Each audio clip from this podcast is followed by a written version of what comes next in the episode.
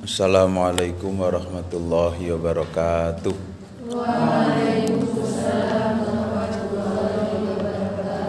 Alhamdulillahirabbil alamin wa bihi nasta'inu ala umuri dunya waddin. Wassalatu wassalamu ala asrofil anbiya'i wal mursalin wa ala alihi wa ashabihi ajmain. Subhanaka la ilma lana illa ma 'allamtana innaka antal alimul hakim. Rabbi israh li sadri wa yassir li amri wahlul 'uqdatam min lisani yafqahu qawli. Amma ba'du. Ustadz dan Ustazah, saudara-saudaraku sekalian yang saya hormati, semoga senantiasa kita dalam lindungan Allah Subhanahu wa taala dan kita dimuliakan Allah Subhanahu wa taala.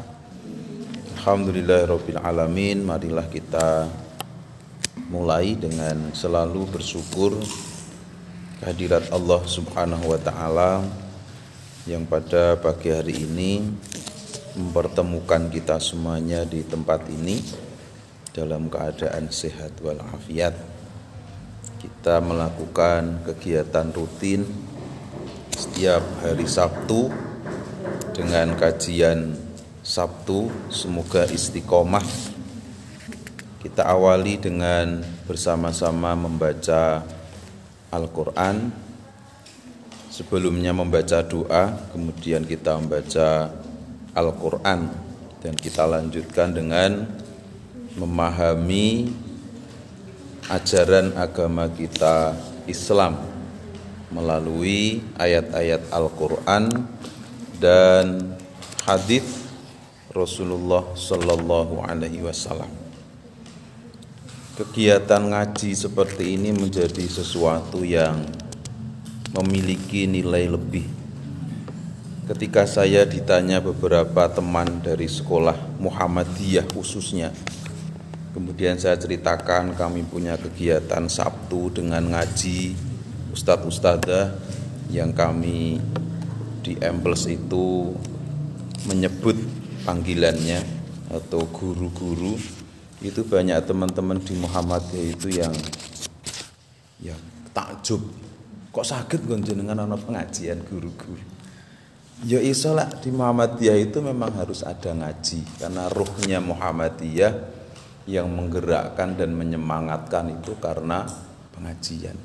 Jadi ternyata ada juga di teman-teman Muhammadiyah, sekolah-sekolah itu yang untuk bisa mengumpulkan guru-guru mau diajak ngaji itu tidak mudah. Tidak mudah. Sehingga tahu dengan kegiatan kita yang sudah lama kita lakukan setiap Sabtu, kajian Sabtu seperti ini kok gumun, kok sakit jenengan guru-guru gelem jak ngaji Nah, maka dari itu mari ini kita selalu lakukan dengan istiqomah karena insya Allah banyak sekali manfaatnya dan hikmahnya dan memang kalau pesan Pak Kiai A.R. Ya, yang menjabat dari tahun berapa Pak Jian? 1960 8 kalau nggak salah sampai 1996 paling lama periode jabatan pimpinan pusat itu Kiai Haji A.R. Fahrudin. Itu beliau wanti-wanti sekali di Muhammadiyah itu masih ada. Orang kalau diibaratkan tubuh masih hidup kalau di Muhammadiyah masih ada pengajian. Kalau orang Muhammadiyah sudah nggak mau ngaji orang-orang yang di dalam lembaga Muhammadiyah sudah nggak tertarik, nggak mau mendengarkan ngaji itu ibaratnya jasad utuh tapi nggak ada nyawanya. Jasad utuh tapi nggak ada nyawanya. Ini ku ya medeni malahan. Jasadnya utuh tapi nggak ada nyawanya. Karena yang menggerakkan jasad kita menjadi tahu tujuan hidup kita itu kan ada ruh di dalam tubuh kita di Muhammadiyah kok sudah hilang pengajian, sudah nggak ada ngaji, semangat ngajinya nggak ada, diajak ngaji nggak tertarik, mendengarkan ngaji nggak tertarik itu akan menghilangkan ruh kita di Muhammadiyah. Karena memang semangat di Muhammadiyah itu berawal berangkatnya Muhammadiyah dari pengajian, berkembangnya Muhammadiyah dengan pengajian, sampai sekarang masih eksis juga karena pengajian. Nah, ini monggo kita pahami bersama, kita berada di Aum Muhammadiyah yang namanya pengajian itu bukan lagi sebagai kegiatan tambahan, gitu, tapi pengajian itu kewajiban. Kewajiban kita semuanya, bukan lagi ekstra. Ekstra karena tidak ada jam mengajar kemudian ngaji. Tapi memang ngaji itu bagian yang tidak bisa terpisahkan dari warga Muhammadiyah dan berkembangnya lembaga Aum Persyarikatan Muhammadiyah. Ustaz-ustaz yang saya hormati, panjenengan tadi bersama-sama kita membaca surat Al-Mursalat. Di surat Al-Mursalat tadi panjenengan kalau niteni berulang-ulang Allah menyebutkan dengan ayatnya wailu yauma idzil lil mukadzibin. Berapa kali Mbak Jojo? Pertanyaan. Berapa kali di surat Al-Mursalat itu kalimat ayat yang diulang sampai lebih dari satu dua tiga kali dengan Allah menegaskan wailu yauma idzil mukadzibin. Berapa kali Mbak Ida? Berapa kali Mbak Juni? Ya, yang sudah hafal ada diulang sampai 10 kali. Cobi mangit dipun hitang ada 10 kali diulang ayat yang berbunyi wailu yauma idzil lil mukadzibin wailun dan celakalah yauma idzin pada hari itu lil mukadzibin bagi orang-orang yang mendustakan.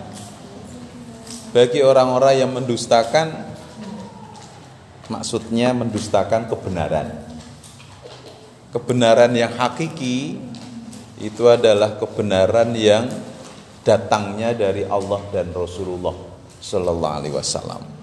Itu hakiki sifatnya mutlak untuk kita ikuti. Ya ati Allah wa atiur Rasul.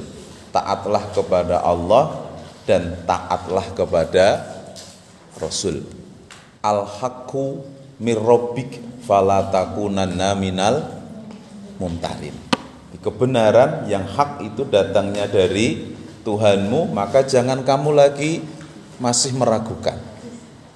Wa ma atakumur rasulu fakhudhuhu wa ma nahakum anhu fantahu wattaqullah.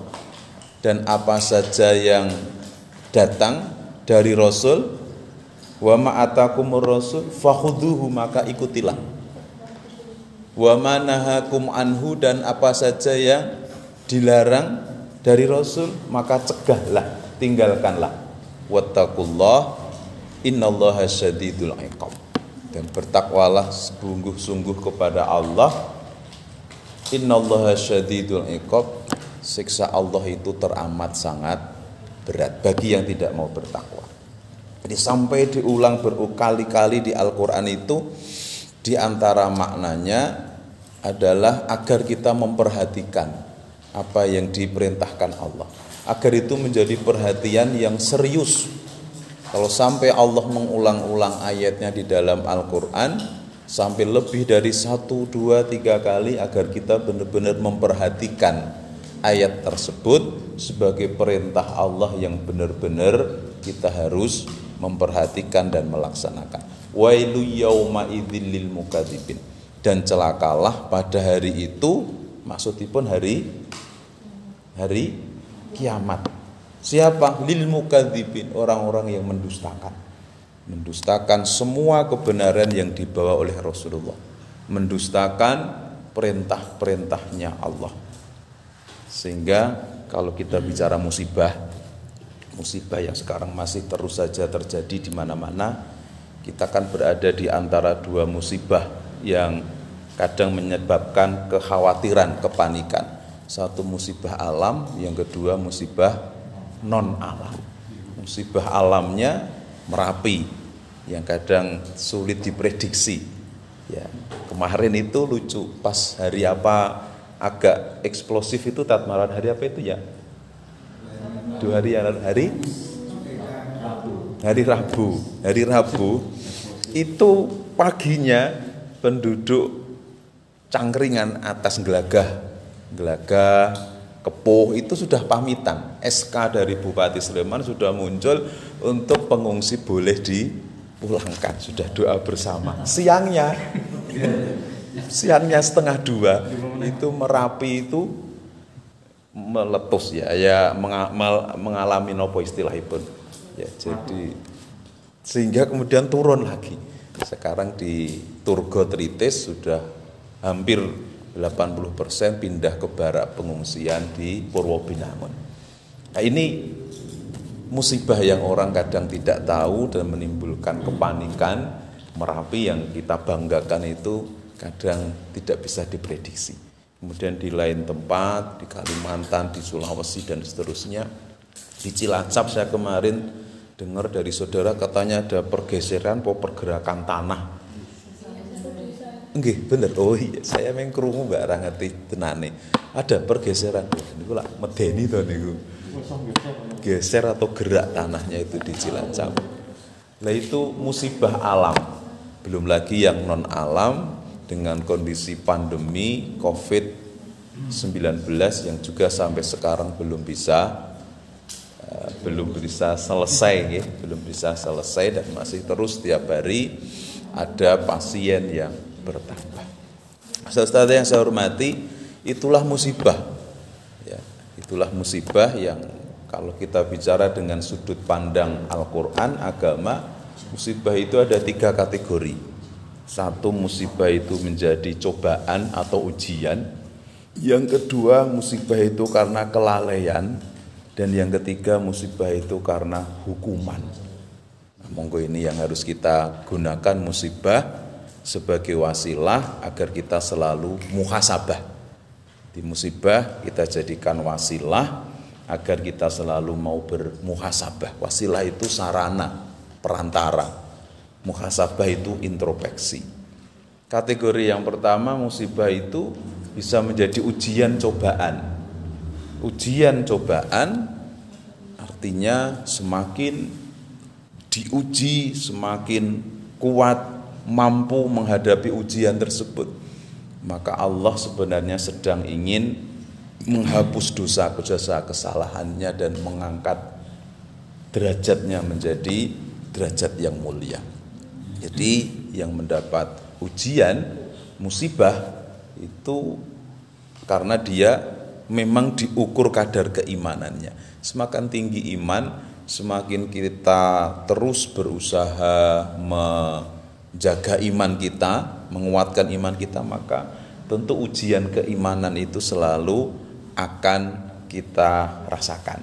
Tapi kalau kita kuat dengan kesabaran, kita kuat dengan keikhlasan, kita kuat selalu ridho dengan apa saja yang kita terima, nah maka itulah yang menjadikan cobaan berupa ujian, eh, musibah berupa ujian itu akan menghapus dosa, kesalahan dan mengangkat derajat hamba Allah Subhanahu wa taala. Maka dengan adanya ujian, cobaan itu kita harus menerima, kita harus me, apa ya, menempatkan iman kita, menempatkan iman kita bahwa tidak ada musibah, tidak ada cobaan, ujian itu tanpa izinnya Allah Subhanahu wa taala. Ma'asoba min musibatin illa biidnillah. Wa may yu'min billah yahdi qalbah. Wallahu bikulli syai'in alim. Tidak ada musibah, tidak ada ujian cobaan tanpa izin Allah.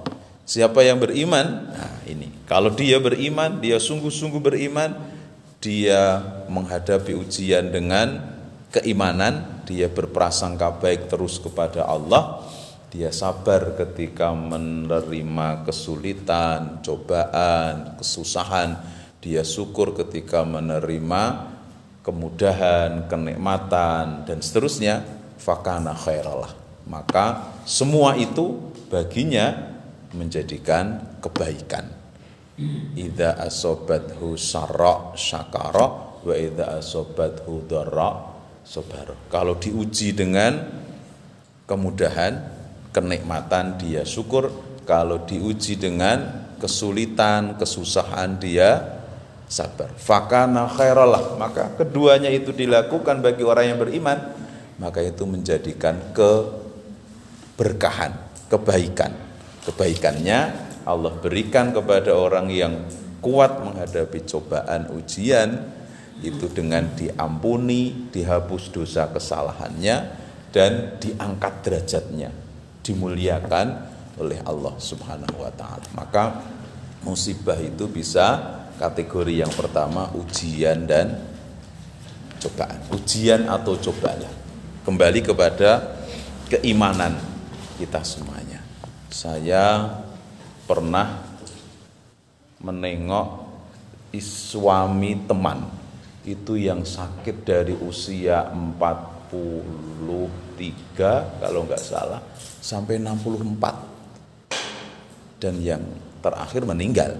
Di sakitnya itu usia 43 sampai 64 berapa tahun itu? Sakit terbaring pun ngasih raiso nopo-nopo nih kok bertahun-tahun tuh niku berpuluh tahun lah dari masih sangat muda masih kuat sampai usia lanjut dalam kondisi sakit. Ya istrinya tetap setia istrinya tetap menunggui anaknya juga tetap sabar menunggui dan merawat orang tuanya. Itu ujian. Kalau ujian cobaan sakit itu juga bisa di apa hadapi dengan keimanan sakitnya itu akan sampai membersihkan dosa kesalahan. Saat meninggal dunia dia meninggal dengan membawa iman dan Islam maka insya Allah meninggalnya husnul husnul khatimah. Itu kan tidak mudah. Tidak mudah diuji dengan sakit yang sekian puluh tahun lamanya. Yang kita mohon perlindungan dari Allah tidak termasuk yang mendapatkan ujian yang kita tidak mampu, tidak kuat untuk menghadapi. Jadi yang pertama musibah itu dalam bentuk ujian, cobaan keimanan untuk menguji keimanan kita, kesabaran kita, keikhlasan kita karena di balik itu Allah akan menghapus dosa kesalahan kita dan akan mengangkat derajat hidup kita. Dan yang kedua, musibah itu karena kelalaian. Musibah itu karena kelalaian.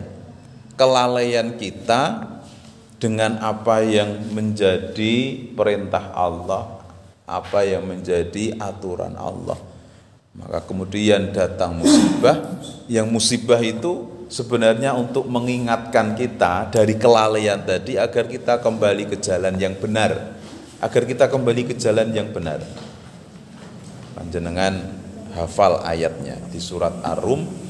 Allah berfirman a'udzubillahi dzaharal fasadu fil barri wal bahri bima kasabat aidinas liyudhiqahum ba'dalladzi amilu la'allahum yarji'un. Telah tampak jelas Zoharo itu zohir. Kalau bahasa Arabnya zohrun itu geger. Zahir niku geger, dohrun niku geger. Orang Arab kalau mengatakan orang keluar dari suatu ruangan yang kelihatan gegeri, maka dohir itu sesuatu yang tampak ketika orang dia keluar. Batin itu dari kata butun, butun itu maknane perut. Orang kalau keluar nanti tat aji metu saking ruangan menika ora bakal kita wetengi.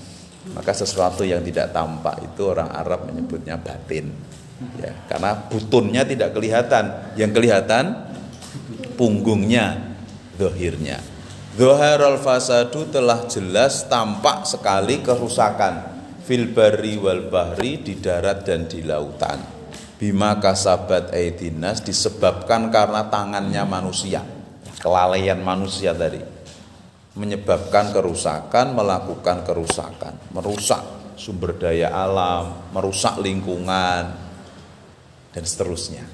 Merusak ciptaan Allah yang mestinya itu dijaga, dirawat dan kembali kepada manusia kemanfaatannya. Untuk kebutuhan manusia tapi tidak dijaga dirawat dengan baik malah dirusak. Lautnya di apa jeneng? Jakarta nih hmm. lautnya dipendem nih kalau apa jeneng? Reklamasi. Ya reklamasi ya. Kemudian tambang pasirnya terus dikeruk tambang batu bara di Kalimantan dikeruk pindah keruk pindah itu jelas sudah melalaikan perintah Allah dengan melakukan kerusakan yang mestinya menjaga melindungi apa yang telah Allah ciptakan di muka bumi. Zuharul fasadu fil bari wal bahri. Juga kerusakan itu maknanya merusak tata nilai, tata kehidupan. Artinya melanggar aturan. Sudah tidak lagi mempedulikan aturan aturan yang diperintahkan oleh Allah dan Rasulullah. Al-fasadu. Orang-orangnya sudah rusak-rusak ngoten rusak-rusak ini yang melakukan perbuatan yang ya semaunya menuruti hawa nafsunya melakukan kerusakan membunuh ya menyakiti kemudian merusak sendiri kondisi kondisi ya kondisi dirinya mabuk dan seterusnya. Zina zina itu kan merusak keturunan ya mabuk merusak organ tubuh ya, minuman keras, judi, ya, merusak ekonomi dan seterusnya. Itu kan merusak tata nilai tatanan kehidupan yang sudah punya aturan jelas untuk dipatuhi agar manusia itu selamat baik hidupnya di dunia dan di akhirat. Tapi dirusak sendiri aturan itu dengan melalaikan aturan Allah. Bima kasabat aydinas liyudhikahum ba'dalladzi amilu la'allahum yarji'un. Disebabkan karena tangan manusia kemudian terjadilah musibah. Musibah. Supaya manusianya kembali ke jalan yang benar dari melalaikan apa yang diperintahkan apa yang menjadi aturan dari Allah dan Rasulullah tadi. Yang kedua musibah itu karena kelalaian manusia. Maka semoga kita tidak termasuk golongan orang-orang yang lalai. Wailul mukadzibin Celaka itu karena orang yang lalai. Besok di akhirat orang yang lalai dia akan celala. Fawailul lil musallin. Fawailul niku neraka well. Neraka well itu neraka yang nanti akan ditempati oleh orang-orang yang melalaikan sholat. Melalaikan itu buatan meninggalkan loh Pak Bu. Melalaikan itu tidak meninggalkan. Kalau meninggalkan jelas.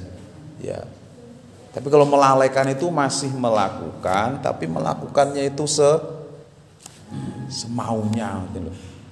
Zuhur jam rolas ya setengah telu kayak zuhuran. Sudah terdengar adzan jelas tapi juga masih sibuk dengan urusan tugas-tugas yang lebih mengasikkan dia dikerjakan. Itu melalaikan. Di melalaikan itu kita diingatkan, kita ada kesempatan, kita ada kemampuan, tetapi kitanya tidak menggunakan nikmat-nikmat yang Allah berikan tadi untuk mengutamakan apa yang diperintahkan oleh Allah itu melalaikan. Nah, semoga kita tidak termasuk orang yang melalaikan sholat. Kapan itu bapaknya Almer ke sini? Pas pagi-pagi aku yura kenal, tapi ndang dibuka maskernya, oh jenengan tuh Pak bapaknya Almer. Nggih, ah niki yo jan kahanan ngeten iki jenengan sing guru SMA pripun Pak dia kan guru SMA salam wah gue angel Pak ada juga malah kula datang ke rumah-rumah itu banyak orang tua itu sing anake esok niku urung tangi ya ora digugah. Lah kok sakit lah wong tua niku wedi Pak gugah anak niku niku ceritane bapakne Almer. Orang tua niku ngasih wedi nak gugah anak sehingga pagi belum subuhan itu kalau menemui sendiri ada anak itu yang belum dibangunkan. Karena orang tuanya itu ada kekhawatiran wong tuanya iki rawani ngono nak gugah ngono ndak? Rada dikarepe ngoten niku lho. Nak gugah ngono ndak nesu. Ngono nak gugah ngono ndak? Jak gelut. Met mutung. Itu orang tua yang melalaikan kalau sampai seperti itu. Loro anak kok wedi? Sing ngetokke sapa sing gawe sapa sing kragati sapa sing tanggung jawab paling besar itu sapa? Kan ya wong tua kok sampai zaman sekarang ada orang tua wediro anak gugah anake sholat itu jangan sampai itu. Naudzubillah itu melalaikan. Melalaikan ya ayyuhalladzina amanu ku anfusakum wa ahlikum naro maka jangan sampai kita termasuk golongan orang yang lalai dengan kewajiban dengan aturan dengan ketaatan dengan perintah Allah dan Rasulullah SAW. Yang ketiga, musibah itu bisa menjadi azab, hukuman. Ya. Karena apa? Karena sudah tidak lagi orang peduli dengan agamanya. Sudah tidak lagi peduli dengan agamanya. Itu akan menjadikan musibah itu menjadi azab, hukuman Allah. Ya. Walau anna ahlal qura amanu wa taqaw la fatahna alaihim barokatim minas sama iwal ard walakin kadzabu fa akhadnahum bima kanu yaksibun. Seumpama penduduk M plus ini kita di dalamnya rakyat M plus kita di dalamnya warga M plus amanu wa takau benar-benar iman kita jaga ketakwaan kita terus juga tingkatkan. Ya ketakwaan juga terus kita bangun dengan sungguh-sungguh la fatahna pasti akan Allah bukakan. Barokatim berkah kebaikan-kebaikan turun dari langit. Wal dan muncul dari bumi. Kita akan mendapatkan keberkahan rizki, kenikmatan, keselamatan, pertolongan dari Allah. Minas sama iwal walakin kadabu tetapi mereka banyak yang melalaikan. Manusia banyak yang mendustakan tidak peduli dengan agama Allah, tidak peduli dengan aturan Allah, sudah terang-terangan meninggalkan perintah kewajiban, melanggar aturan itu orang yang kemudian sebab dari itu musibah menjadi azab, menjadi hukuman. Wailui yauma idzil mukadzibin maka celakalah pada hari akhirat nanti lil mukadzibin orang-orang yang mendustakan tidak peduli dengan agamanya, mendustakan agamanya, dia mengaku menjadi seorang muslim tetapi dia mendustakan keislamannya. Ara'aital ladzi yukadzibu biddin fadzalikal ladzi yad'ul yakin. Jadi sudah tidak peduli dengan perintah agamanya, tidak peduli dengan fakir miskin, anak yatim, dengan sholat, dengan ibadah-ibadah muamalah dan ibadah mahdoh maka itu menjadikan azab Allah, hukuman Allah ditimpakan bagi manusia. Saya sampaikan itu saja. Ya karena tak gulei nggon tanya jawab koyone kok urung ketemu sing cocok. Sudah 28 menit.